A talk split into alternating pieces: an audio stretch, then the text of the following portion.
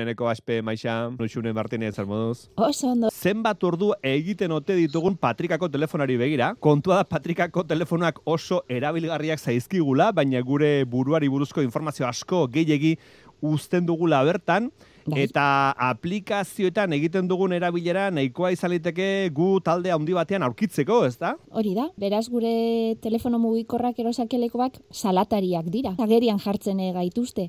Ekoazen, e, pausos, e, pausos. Ados. E, lehenengo galdera bati erantzungo diogu ez, eta e, balakizu emat aplikazio dituzuen mugikorrean, hau da, gauza bada mugikorrak berak dituen aplikazioak, ez? Bai. Bai, behin erosten dituzu e, duzunean e, tramankulua, ez?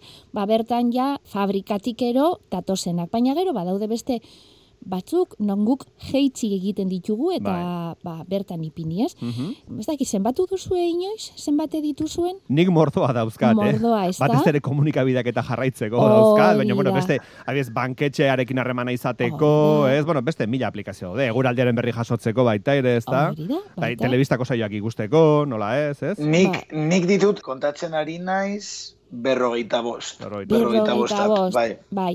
Ba, Bai. batez bestekoa, hogeta amabos da. Beraz, zukeneko gainditu egiten duzu bataz besteko hori. Baina batez Ba- bestekoa da Ni- hogeta amabosteko. Ni gutxiago dauzkat hogei bat dauzkat jetxita. Bai, uste dut. nik hogeta iru, hogeita iru zenbatu ditut. Eta e, baldakizu zeintzuk diren ohikoenak. Bueno, Manu ja esan ditu bereak zeintzuk diren, baina ohikoenak orokorrean dira alde batetik. Lehenengokoak janaria eskatzeko aplikazioak dira lehenak. Ahí ba. Horiek ez bai. dauzkat. Ez, neuk ere. bigarrena, arropa eta ero zapatak eta erosteko aplikazioak dira bigarrenak ohikoenak. Mhm. E, eta gero, hirugarrenak turismoari lotutako aplikazioak, eta hortik aurrera doaz, ba, garraioarekin lotutakoak, mezuak bidali eta jasotzekoak, denbora pasa, jokoak, eta gero, ba, hori eguraldiarekin zerikusia dutena, eta hortik aurrera, jada, espezializatuak hau da, norberaren lanbidearekin, erosereginarekin lotuta daudenak, ba, manuk esan duen moduan, ba, berak informazioa jasotzeko eta Bai. e, badituen e, horiek, ez? Aplikazioak, ez da? Ni, Bai. ikusi, ikusi doten interesgarri bat, orain dela gutxi izan zen, e, bikoteentzat e, etxean e, ikusteko e, mundu guztiak egiten dituela etxeko lan kopuru berdinak, dago aplikazio bat, non joaten zara e, tik egiten, egin duzun etxeko lanean, eta horrela ja hile bukaeran edo aste bukaeran ikusi aldozu, ba, nork egin duen gehien edo gutxien edo edo berdin. Ah, bikote batean Eta- neurtzeko bakoitzak zenbat lan egin dituen etxean? Etxeko lanak, bai, hori da. Hori nuen ezagutzen, hori nuen ezagutzen. Ba, kontua da, manuk esan duen moduan, ba, gure mugikorreko aplikazioei esker, eta hoiek zabaltzen ditugunean, ba, gure burua identifikatzeko balio dezaketela. Hau da, gure mugikorraren aplikazioen erabilera ereduari esker, milaka pertsonen artean norgaren ezagutzera eman daiteke. Hau da, identifikatu gaitzakete. Hau da, hori da ikerketa berri batek bo, aditzera eman duena, ez? Ikerketa egin dute Lancasterreko unibertsitateko eta bateko unibertsitateko e, ikertalde bik egin dute, erresuma batuan daude unibertsitate hauek, eta zer egin dute hau jakiteko? Bueno, balde batetik, saspiren eta larogeita, eh, larogei pertsonaren telefono e, adimenduen datua jaso dituzte. Zelan, bueno, ba, banan-banan joan dira ikusten sei egunez, Bai. ba, zer nolako erabilera egin duten, hau da, datua jaso dute Mhm. de, dituzte. Esaterako manu izango bali, e, balitz horretako pertsona bat, ba, hartuko zuten manuren sei eguneko erabilera. E, egun horiek batzuk izan dira astean zeharrekoak eta beste batzuk e, asteburu ero jai egunetakoak, ez? Ikusteko ze desberdintasun dagoen. Bueno, ba, datu guzti hori, horiek batu egin dituzte eta datu, baso, datu base baten sartu e, e, guztiak, ez? Eta gutxi gora bera, guztira ia bos mila eguneko erabilerari buruzko datuak sartu dituzte datu basean. Kontua da, pertsona bakoitzaren erabilera zehaztu egin dutela, hau da, e, manu izan balitz horrelako pertsona bat, ba, manuk egindako guztia berari lotuta, hau da, bere izenarekin eta, ba, esan ez, bueno, manuk erabilera hau egin du sei egunetan, e, ba, mugikorrean. Eta horrekin datu guztiak datu basean sartu ondoren estatistika ereduak egin dituzte. Eta estatistika eredu hoiek ikasi egin duten esperimentuko edo esperimentu horretako pertsonen patroiak, ero parte hartzaien erabilera patroiak. Patroiak. Hau da, Mhm. zer nolako patroia egiten dituzten, ba, mugikorra erabiltzerakuen. Bueno, behin hori eginda, ba, ikertzaik be, igarren pausu bat eman zuten. Eta ez e, pertsona hauei, saspiren eta larogei erabiltzaile hauei, telefono berri bat eman zieten. E, telefono hau anonimoa zan, ez zegoen lotuta pertsonarekin, eta Mhm. esan zieten, bueno, ba, erabilezazue telefono hau, ba, normalean egiten duzuen bezala, ez? Behin erabilita, telefono horietako datu horiek, sartu zituzten, ba, estatistika eredu horretan, datu base erraldoi horretan, ez? Eta datu base horretan, ikertzaileek galdera bat egiten zion ba, e, aplikazioari, ero bueno, datu base eredu estadistikoari, ez? Eta esaten zion, datu hauek ditugu, egun bateko erabilera, eh?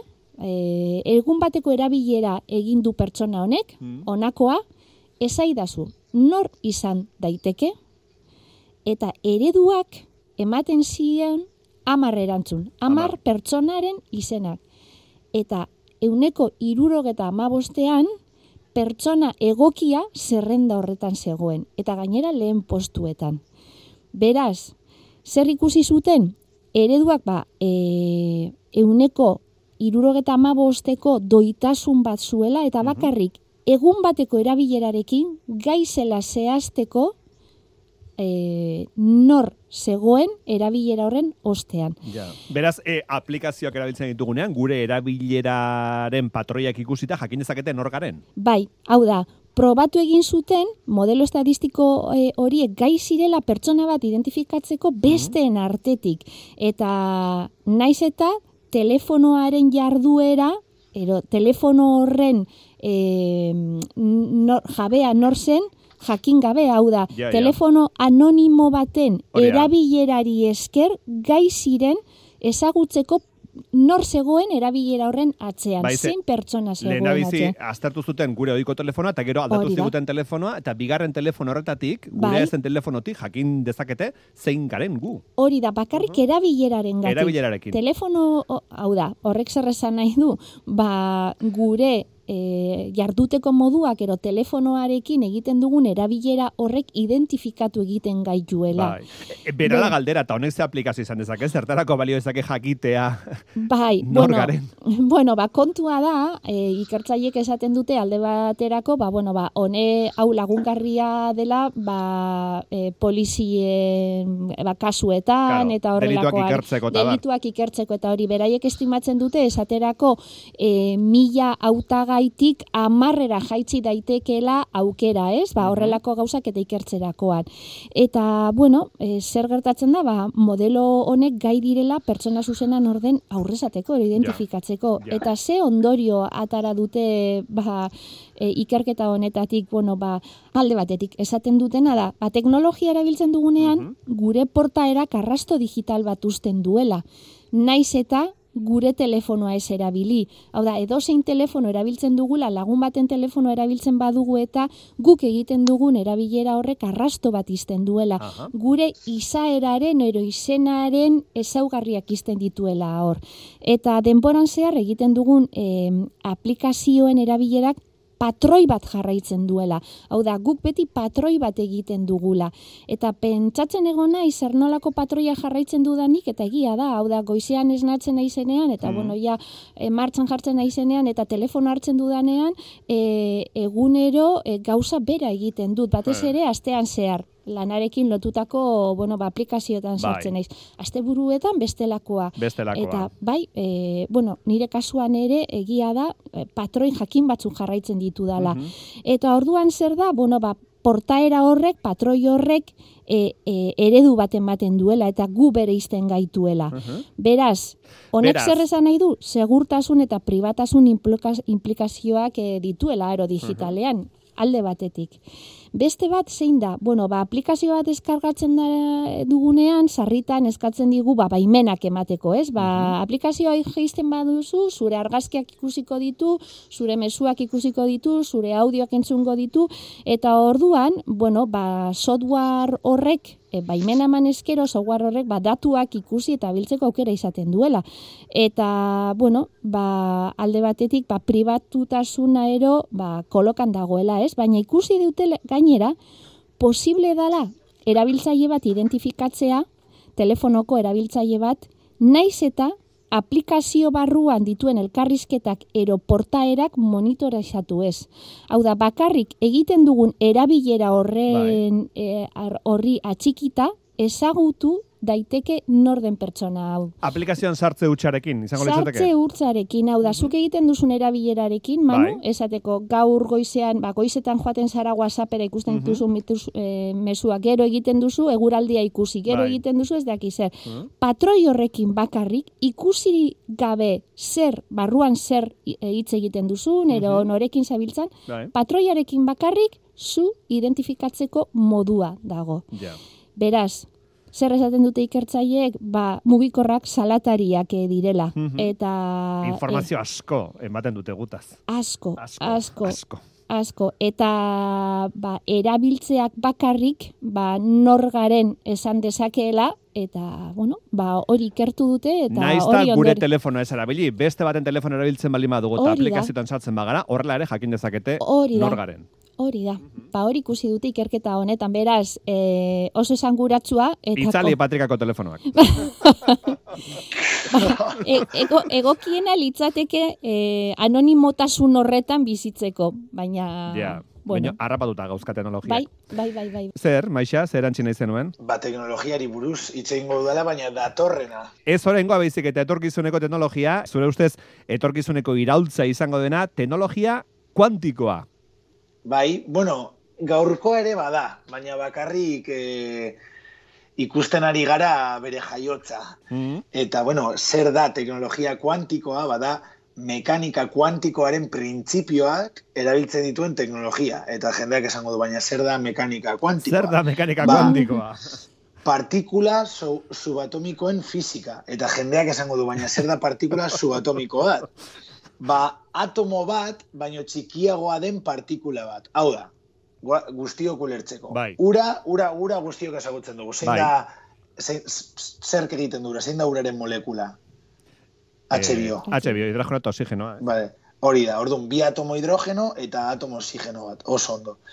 Goazen hartzera hidrogeno atomo bat. Uh Zume egiten badugu, ikusiko dugu ba, e, protoi bat dagoela erdian eta elektroi bat bueltak ematen. Gure lurra eta ilargia izango balitz bezala, baina bi partikula horiekin, ba, protoi bat eta elektroi bat. Ba, vale. Elektroi hori edo protoi hori partikula subatomikoa da, base atomo bat, baino txikiagoa da. Beraz, ikasi dugu zer dan partikula subatomiko bat. Bale, ze pasatzen da? Ba, gure egunerokotasunean erabiltzen dugun fizika, deitzen dena fizika klasikoa, ez du balio partikula subatomikoetan. Zergatik, ba, partikula subatomikoetan, elektroietan, proteietan, eta bat, oso fenomeno arraroak ematen dira, eskala txiki horretan. Eta ja fizika klasikoak ez du balio, baizik eta fizika kuantikoa. Adibidez, elkartze kuantikoa. Beitu, ni Kalifornian nago, ez? Mm -hmm. Eta zu manu donostin. Eta usune bilbon. eta usune bilbon. Ni kilikiliak edo egiten badizkidaten kilikiliak mm. zuek ez, ez dituzue sentituko. Nik bakarrik sentituko ditut bai. kilikili horiek. Ba, partikula subatomikoetan mm. ez da hori pasatzen. Elkartze kuantiko bat badagoen, naiz eta partikula subatomiko bat egon donostin, bestea Bilbon eta bestea Kalifornian, bai. ezin dituzu individualki definitu. Baizik eta multzo bat bezala. Uin funtzio sistema bakar bat bezala. Ba, fenomeno berezi hauek aprobetsatuz, teknologia berriak garatu daitezke. Esate baterako ordenagailu kuantikoa. Guk erabiltzen ditugun ordenagailuetan, gaur, ba, gaurko ordenagailuetan, bitak erabiltzen dira, da, zeroak eta batak. Mm -hmm. informazio guztia dago eman da zero, zeroekin edo bat zenbakiarekin. Ba, ordenagailu kuantikoetan, kubitak erabiltzen dira. Hau da, zeroak eta batak aldi berean izan aldituenak. Hau da, hor, e, deitzen da, dena gainesarmen printzipioa. Eta zergaitik dira era- erabilgarriak, ba, oso problema komplexuak ebatzi aldirelako ordenagailu kuantikoen bitartez. Mm. Esate baterako. 2008an egindako esperimentu batean, e, eman zioten konputagailu kuantiko bati, problema oso oso zail bat. E, gure gaurko ordenagailuekin milaka urte e, beharko ziren kalkuloak egiten e, e, e, basteko problema hori. Ba, konputagailu kuantiko horrek 3,5 minututan ebatzi zuen problema hori. A, e, orduan, oso importantea da e, ordenagailu kuantikoa. Por cierto, China oso aurreratuta dago, Ah. e, Chinako zientzia eta teknologia fakultatean esaten da dagoela ordenagailu kuantiko potentena, estatu batuetan ere bai, ba, Ah. Google edo IBM bezalako e, enpresekin. Eta hor, e, konputagailu kuantikoetan sartzen da kriptografia kuantikoa, beste teknologia kuantikoa, kriptografia kuantikoa. Imaginatu nik daukadala ordenagailu kuantiko bat. Eta zuek ez. Ba, orduan, manuren pasaitza guztiak ebatzi alditut segundu bakar batean. Eta Iberdrolarenak, eta Errusiako gobernuarenak, eta Estatu Batuetako gobernua, eta FBI-arena ere, bai. Horregatik, horregatik behar da gaurtik Bai. kriptografia kuantikoa. Babesa emateko ordenagailu kuantikoen aurrean. Zergaitik, Bas, imaginatu, herri batek edo enpresa batek garatzen duela ordenagailu kuantiko bat, ba, horrekin e, ebatzi alditu munduko pasaitza guztiak segunduetan. Orduan, e, ordenagailu kuantikoenen aurrean, Mm. kriptografia Kuantikoa kuantikoa behar da, babesteko, Eta-? Eta horretan ere bai, e, e, egiten ari dira gauzak gaurtik. Beste, apliko, eh, beste aplikazio bat dira irudi kuantikoak, irudi medikuen analiziaren kasu.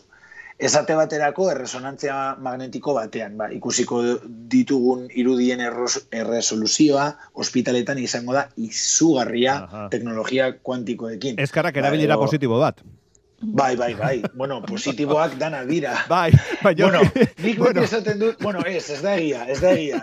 Nik beti esaten dut te, eh, edozein teknologia ez dela, ez ona, ez bai, txarra. erabilera, erabilera. Erabilera. Nik beti jartzen dut labanaren kasua. Labana Bai. batekin hil alduzu norbait, edo bere bizitza salbatu Hori da. eh, kirugia eginez. Beraz, Bai, bai, bai. da, teknologia ez dira txarrak edo onak. Erabilera baizik. Erabilera, hori da. Beraz, Orduan. erresonantzian adiez medikuntzan sekulako horrela penalitzateke ze erresonantziak oso oso zehatzak litzat, lirateke, ez da? Eta, eta pilo bat datu ematen dituzte, eta horrelako teknologia kuantiko bate, batekin, ba, e, analiziak asko sobeagoak izan aldira, ba, esate baterako, ba, e, medikuak asko sobeto jakingo du e, non dagoen minbizia, Mhm. ze tamaina duen, ze forma duen, eta hor, eta hor e, informazio hori erabiliko da ba, e, arazo hori ebasteko. Bai. Eta beste adibide batzuk dira simulazio kuantikoak. Esate baterako, eta hau oso interesgarria da. Imaginatu mai bat dugula Mm. eta hamar pertsona ditugula. Hamar pertsona, eh? Familia bat, guazen esatera. Familia handi bat, ba, lenguzuekin eta bar. Ez asmatu zenbat modu dauden eh, hamar pertsonetako familia hori jesartzeko mai batean. Zenbat modu, adibidez, eh, jartzen badugun Bai. amama, amama alde batean, eta beste aldean aitite, eta ez dakiz, zenbat kombinazio posible dago. Esan, zenbat lagun esan duzu? Amar, amar, Hamar- lagun bakarrik. hamar lagun. Amar lagun. Ez dakit. Ba, guztira daude 3,6 milioi. 3,6 milioi familia eseritzeko, eserazteko. aukera. Bai, amar faktorial. 3,6 milioi aukera daude familia hori era desberdinetan eh, jesartzeko. Adiez, gabonetako du- afarian. Gabon Bai, afarian. gabonetako afaria. Ematen du gezurra dela, baina nahi baduzu matematika egin, emango dizut pista amar faktorial. Vale, eta gero, Hiru- e, gabonetan oso asperto baldin mazta bete egin ariketa. Hori da. Bueno, ba, kontua da, Erreala. horren beste, da- horren beste datu, horren beste datu, horren beste aukera egiteko eh, simulazio bat Bai. eh, gaur, gaur egun ordenagailuekin oso zaila da, base data, Mhm.